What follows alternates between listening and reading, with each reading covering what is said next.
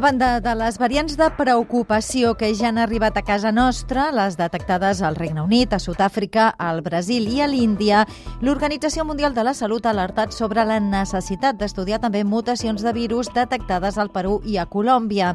De moment se'n sap molt poc, però l'OMS les ha qualificades com a variants d'interès davant el risc que siguin més transmissibles o es puguin escapar de l'acció de les vacunes.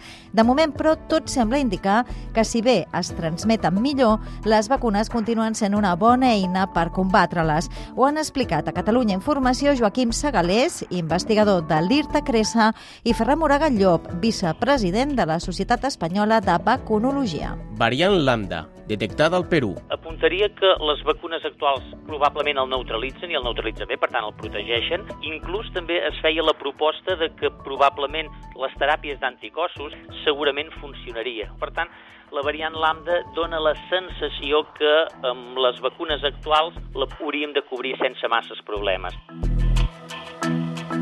encara no hi ha massa informació sobre transmissibilitat, malgrat se sap que Perú és la majoritària, però no queda clar si és capaç de sobreposar-se a altres variants. I en termes de gravetat tampoc hi ha dades concretes. El que sí que se sap és que Perú és dels pitjors rànquings mundials des del punt de vista d'infecció i mortalitat.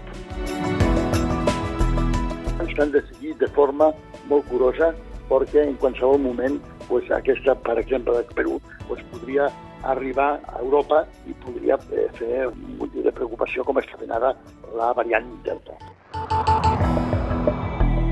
Nova variant detectada a Colòmbia. La de Colòmbia també és una variant que està preocupant no? i que, amb motiu de la Copa Amèrica, s'han vist casos d'una major transmissibilitat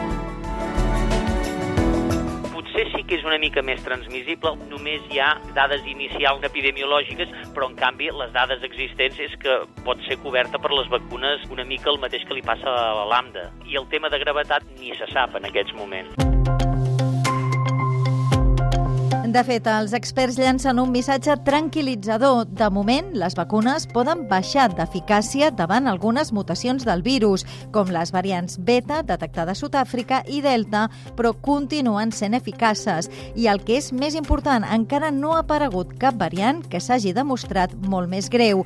Només incrementarien una mica la gravetat les variants beta, delta i probablement la detectada al Perú, però no prou per poder dir que estem davant d'un virus molt més perillós. La realitat és que de pràcticament totes les variants que s'han descrit, gairebé no n'hi ha cap que tingui un impacte molt més elevat en relació a la gravetat que les altres. Les variants de preocupació podrien causar una mortalitat una mica més elevada. I segurament la variant lambda probablement també estigui en aquesta banda. Els experts calculen que hi ha més d'un centenar de variants del SARS-CoV-2, però poques d'interès. Entre aquestes també s'estudien les aparegudes a Califòrnia i a Nigèria, entre altres, però de moment no es considera que suposin cap risc perquè no modifiquen en essència el comportament del virus.